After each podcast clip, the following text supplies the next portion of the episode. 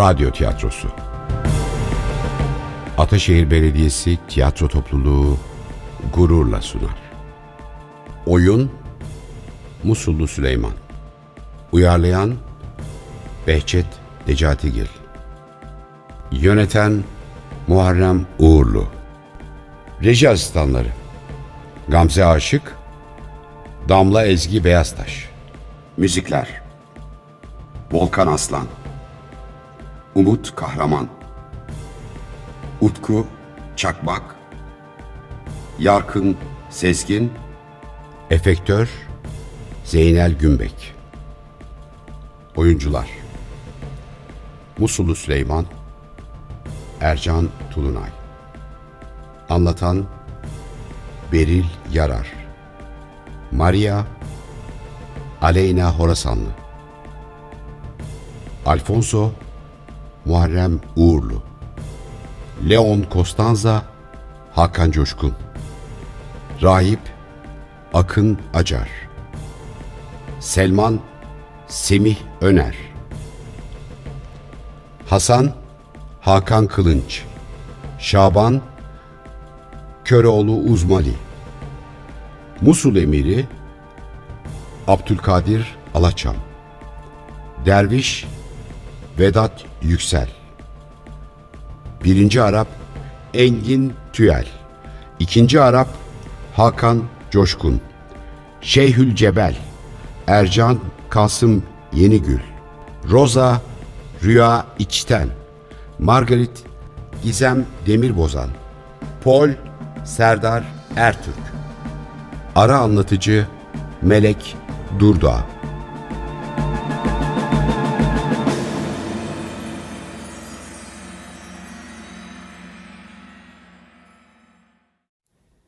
Dördüncü bölüm.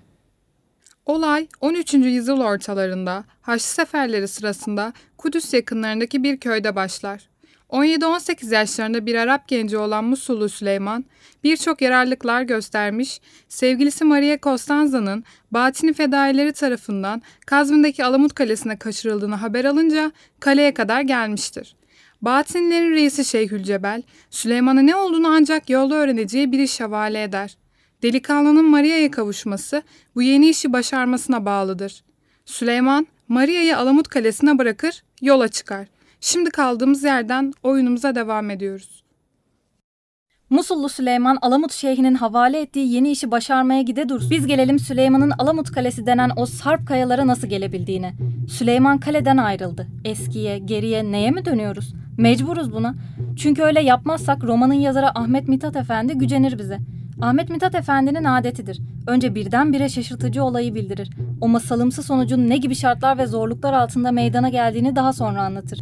Biz de şimdi size Süleyman'ın Kudüs yakınlarındaki Kirk köyünden sonra başına gelenleri toparlayalım da Alamut Kalesi'nden ayrılışından sonra yaptıklarını biraz ileriye bırakalım. Şeyhin verdiği zarfı açmana daha çok vakit var Süleyman. O saate kadar bari Alamut'a nasıl geldiğini anlat bize. Nereden başlayayım? Biz seni Kirk köyünde kaybetmiştik çünkü Maria'yı bırakıp kaçmaya o köyde mecbur olmuştun. Ben bunu biraz da Maria'yı düşünerek yaptım. Zira birdenbire çok üstün bir haçlı kuvvetiyle sarılmıştı köy. Bindiğim at toparlamaya başladı. O durumda Maria'yı kaçıramayacağımı düşündüm. Onun yarı yolda ölmesi mahvederdi beni.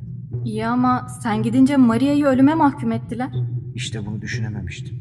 Şimdi sağ ya kurtuldu ya sen ona bak. Daha kurtuldu denemez. Evelallah onu kaleden de kurtarırsın sen. Peki İslam birlikleri Kirk köyünden çekilince ne yaptılar? O günü o geceyi yavaş yürüyüşle yolda geçirdikten sonra ertesi sabah ordugahlarına geldiler. Sen de beraber. Ben de beraber. Ama ben her şeyi unutmuş, yalnız Maria'yı düşünmeye başlamıştım. Onun nasıl kurtaracağımı, verdiğim sözü nasıl tutacağımı düşünüyordum. Derken aklıma bir fikir geldi. Ne gibi? Kılık değiştirip tekrar köye girersem o kargaşalıkta beni tanımazlar dedim. Kukuletalı eski bir keşiş cübbesi buldum, saç sakal takındım. Ne diyorsun? İnanmıyorsunuz ama sahici bir keşişten hiç farkım kalmamıştı. Hadi bakalım. Neyse kimseye sezdirmeden tek başıma düştüm yola. İki günde köye geldim. Hristiyanlar adet ve geleneklerini, Latinceyi biliyorum zaten. Yolda hiçbir güçlükle karşılaşmadım. Köye geldin. Köye geldim ki bir telaş bir heyecan. Şaşırdım. Kimsenin bana aldırdığı yok. Sokaklardan ağır ağır geçerek kilise meydanına ilerledim. Bir de ne göreyim. Maria çukurda gömülü. Çukurda göğsüne kadar gömülü biri vardı. Ama bu Maria değil, Şövalye Alfons'tu. Anladım. Sen Maria'nın iki Arap tarafından kaçırılmasından çok sonra varmışsın köye. Maria'nın çukuruna birkaç gün sonra getirip şövalyeyi koymuşlardı ya. Öyle olmuş. Ben ne bileyim. Şövalyeyi çukurdan çıkarmaya uğraşıyorlardı. Bu adamı bu çukura niye koymuşlar? Bunu ancak Rosa'dan öğrenirim diye düşündüm. Roza da kim? Köyün kenarında bir kulübede tek başına oturan bir kadın. İhtiyar. Gözleri de pek seçemez ki benim kim olduğumu anlasın. Dedim içimde. Ona gittim.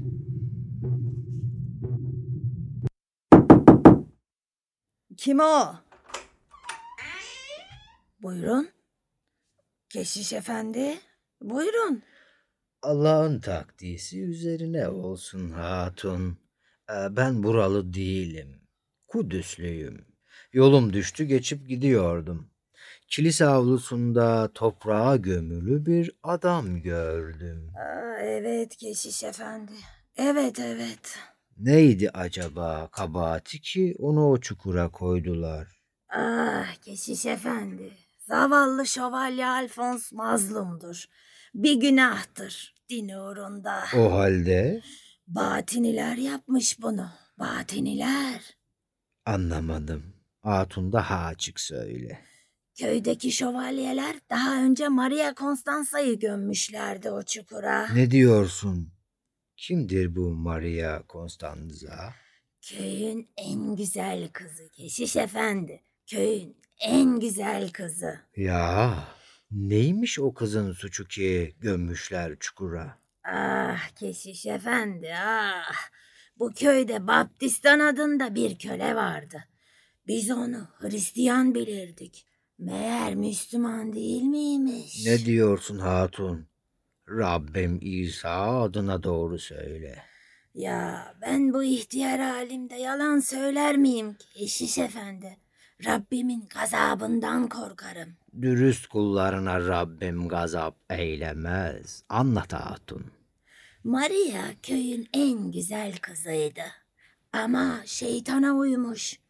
Baptistan denen o köleyi sevmiş. Ya neymiş bu Baptistan dediğin kölenin asıl adı? Ee, Musullu Süleyman'mış. Yere batasıca.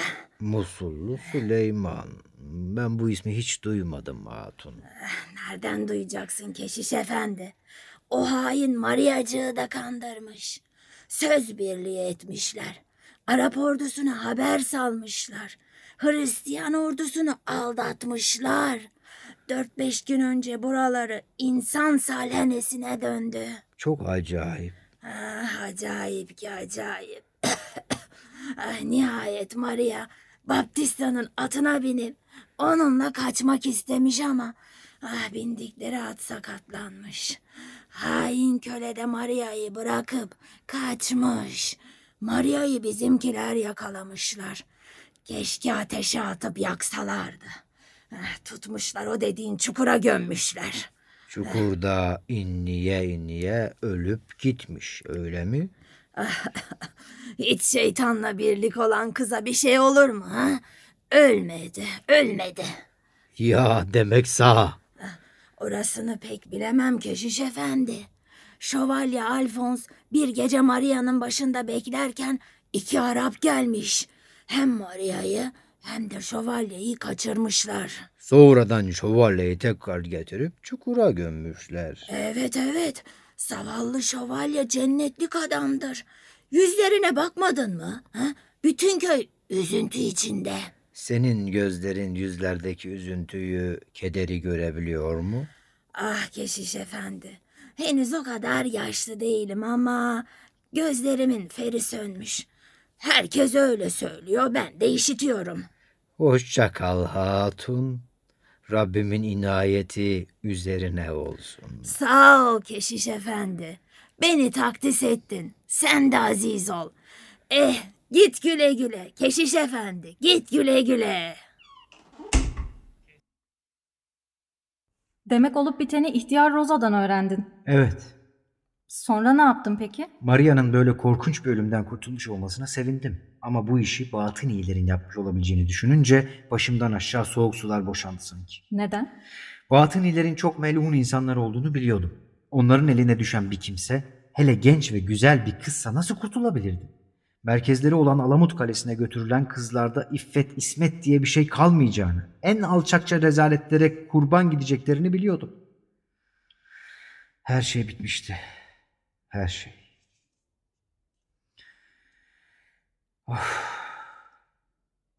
Sen Maria'yı çok seviyorsun Süleyman. Neyse, kendimi toparladım. Allah'tan ümit kesilmez dedim. Ne yapıp yapıp kaleye gitmeye, Maria'yı kurtarmaya karar verdim. Zor iş. Öyle. Kudüs nere, Kazvin nere Süleyman? Muazzam yol. Cebimdeki parayı idareli kullanırsam yollarda dilencilik etmeden gidebilirim diye düşündüm. Keşiş kıyafetinde olduğum için Müslüman köylerinden geçmeyi göze alamıyor, Haçlıların ellerindeki köylerden geçiyordum hep. Sadya'ya kadar o kıyafetle geldim. Sonra? Asıl tehlike ondan sonra başladı. İster istemez Müslüman köylerinden geçmem gerekiyordu. Derken köyün birinde yakaladılar beni. Eyvah! Keşiş kıyafetimden ötürü casus sandılar. Neyse Müslüman olduğumu ispat ettim. Namaz kıldığımı, Kur'an okuduğumu görünce inandılar bana. İslam kılığına büründüm. Bir kervancı Şam'a gidiyordu. Halime acıdı. Bir eşek verdi bana.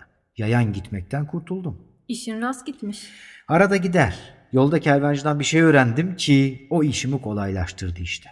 Ne öğrendin? O sırada Şam'da Melik Salih'in hükümdar olduğunu öğrendim.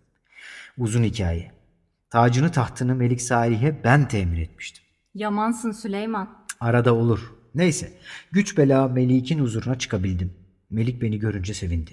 Derdimi öğrenince şaşırdı. Beni bu maceradan vazgeçirmeye çalıştı. Ama ben bu işin bir şeref meselesi olduğunu söyledim. Kararımdan dönmeyeceğimi anlayınca Melik Salih bana yardım edeceğini söyledi. Ne gibi? Beni Alamut Kalesi'nin eteğine kadar tehlikesizce ve en çabuk tarafından ulaştırabileceğini söyledi. Çünkü dedi, Evet. onlar beni kendilerinden yani batıni bilirler. Şerlerinden kurtulmak için onlardanmış gibi görünüyorum dedi. O zaman iş kolaylaşır. Zaten dedi Melik Salih, senin başardığın işler çoktan Alamut Şeyhi'nin kulağına gitmiştir. Ben şimdi senden önce şeyhe acele bir mektup yollar, senin kendisini ziyarete geleceğini, Maria'yı görmek istediğini yazarsam kaleye kolayca girersin dedi Melik Salih. Anlıyorum. Yalnız dedi Melik Salih, Maria'yı sana geri verirler mi orasını bilemem. Hem sonra Maria'yı neden kaçırdılar onu da bilmiyorum. Neyse, Melik Salih bana genç yağız bir at verdi. Kemerimi altınla doldurdu. Atımı dolu dizgin sürerek 5-6 günde Fırat Nehri'ne kadar geldim.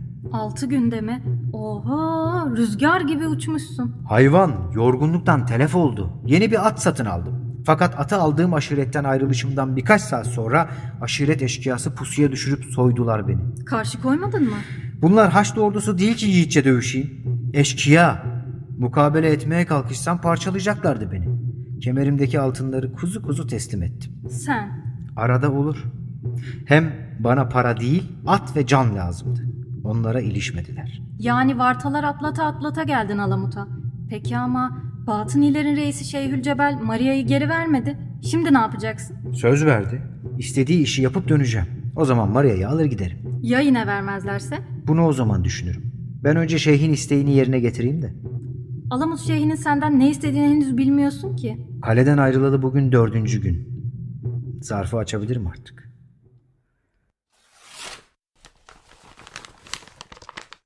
Yüzün güldü Süleyman. Ne istiyor Şeyhülcebel? Bir kızı bulup getirmeliymiş. Kolay iş bu. Adı ne kızın? Söyleyemem. Yeri belli mi bari? Filistin'de bir köyde. Filistin'de hangi şehrin hangi köyünde olduğu yazılı. Eh, artık yapacağım iş belli oldu. Hadi bana müsaade. Dolu dizgin gideyim ben. İşin rast gide Süleyman. Eyvallah. Musullu Süleyman Filistin'e doğru gitti. Gelin ben de sizi İstanbul'a götüreyim. İstanbul bu olayların geçtiği yıllarda yani 13. yüzyılın ortalarında Latin İmparatorluğu'nun başkentidir. Siz Doğu Bizans İmparatorluğu'nu mu biliyorsunuz? Evet ama Avrupa içlerinden gelen Haçlı ordularının bir kısmı şöyle düşünmüşlerdi. Aman canım varsın Kudüs Müslümanların elinde kalsın. Biz Bizans İmparator ailesini bu şahane şehirden yani İstanbul'dan sürüp çıkarır burada bir Latin İmparatorluğu kurarız. Dedikleri gibi de yaptılar. Bizans İmparator soyunu Anadolu taraflarına sürerek İstanbul'u zapt ettiler. Şimdi İstanbul'da Ortaköy sırtlarındayız. Evet, duyduğunuz borular av boruları. Latin sarayı asilzadeleri Ortaköy sırtlarında avlanmaya çıkmışlar. Ne istiyor gidiyorsunuz Paul? Bugün bir gölge gibi hep peşimdesiniz. Yalnız kalmamızı bekledim Margaret. Derdimiz size açmak... Ben ne zaman size ümit ve cesaret verdim Paul? Hayır Margaret. Bana çatık kaşlarınızdan başka hiçbir şey vermediniz. Ben bu cesareti içimi yakıp kavuran ateşten alıyorum. Mert bir subay, güler yüz görmediği bir kadının karşısında asla böyle alçalmamalıdır. Ah benim güzel Margaret'im. O çatık kaşlarınıza, kızgın bakışlarınıza bütün subaylık rütbelerim feda olsun. Rica ederim siz bu sözleri gidin de böyle boş lakırtılar dinlemeye can atan başka prenseslere söyleyin. İmparatoriçe olduğumu unutuyorsunuz. Lütfen beni yalnız bırakın Paul. Sizin için canımı vermeye hazırım Margaret. Rica ediyorum gidin Paul. Bakın imparator da sizi çağırıyor herhalde. Gidiyorum. Fakat benden kurtulamayacaksınız. Sizi seviyorum Margaret. Paul denen subay imparatorun yanına gitti. İmparatoriçe Margaret ise avlanmaya dalmış topluluğun kendisini unuttuklarına kanaat getirince kimseye sezdirmeden kıyıya indi. Kıyıda kayaların arkasına haydut kılıklı iki adam gizlenmişti. Adamlar kocaman bir pelerin, kocaman bir şapka çıkarıp Margaret'e giydirdiler. Margaret bir kenarda saklı sandala bindi. Sandal pupa yelken hareket etti. Gerisini size deminki subay Paul anlatsın. O gün akşama kadar Ortaköy sırtlarında avlandık. Margaret'in kaybolduğunun farkına ancak akşam üzeri vardık. Aramadığımız yer kalmadı. Margaret'i bulamadık. Ben onu deli gibi seviyordum. Ah Margaret. Aradan birkaç gün geçti. Bir gün bir rahip imparatorun sarayına bir çekmece getirdi. Bırakıp gitti. Çekmece açılınca içinden bir insan burnu, bir çift dudak, bir de mektup çıktı. Ne yazıyordu mektupta? İşte seni öpen dudaklar, koklayan burun, kestim gönderiyorum diye yazıyordu. İmza Şövalye Leon de Bourguignon. İmparator Robert de Courtenay kesik dudakları görünce çılgına döndü. Tacını tahtını bıraktı. Roma'ya gitmek üzere yola çıktı. Ama yarı yolda kederinden öldü. Çok esrarengiz bir vaka. Kim bu Leon de Bourguignon? Önce bildiğim kadar size İmparatoriçe Margaret'in kim olduğunu söyleyeyim. Margaret, Haçlıların Kudüs'ü fethedip orada bir Hristiyan hükümeti kurmaları sırasında Yafa'ya gelip yerleşmiş bir soylu ailenin kızıydı. İmparatoriçe olduğuna göre bir prenses olacağını tahmin etmiştik fakat Margaret'in burnunu, dudaklarını kesip gönderen Leon de Bourguignon kim? Kudüs'ü fetheden şövalyelerden birinin oğlu. Margaret'i görmüş, ona aşık olmuş. Fakat Margaret sevmemiş Leondi'yi. Tam o sırada Latin İmparatoru Robert de Courtenay evlenmek istemiş. Pek çok kız göstermişler kendisine, hiçbirini beğenmemiş. İmparatora Yafa'daki Margaret'in güzelliğinden, asaletinden bahsettiler herhalde. Evet, İmparator Margaret'le ailesini İstanbul'a çağırmış. Onlar da sevinerek geldiler sanırım. Korkularından gelmişler. İmparator kızı görür görmez beğenmiş. Margaret Şövalye Leon de Bourguignon'u seviyorduysa imparatorun evlenme teklifini kabul etmemeliydi. Leon de Bourguignon'u sevmemiş. İmparatoru seviyor muydu? Onu da sevmiyordu. Sırf imparatoriçe olmak için yahut başka bir sebepten evlendi sanıyorum. Peki Şövalye Leon de Bourguignon Margaret'in imparatorla evlendiğini öğrenince ne yapmış? Çılgına dönmüş. Sonradan öğrendim. İntikam almayı aklına koymuş. Tebdil giyerek İstanbul'a gelmiş. Şu halde İmparatoriçe Margaret'i Şövalye de kaçırdı ve öldürdü. Sonra da burnunu dudaklarını kesti. İmparatora yolladı. Öyle olacak. Anlattıklarım, e, bildiklerim öyle olmasını gerektiriyor. Ah Margaret, en çok seni ben seviyordum. Dördüncü bölümün sonu.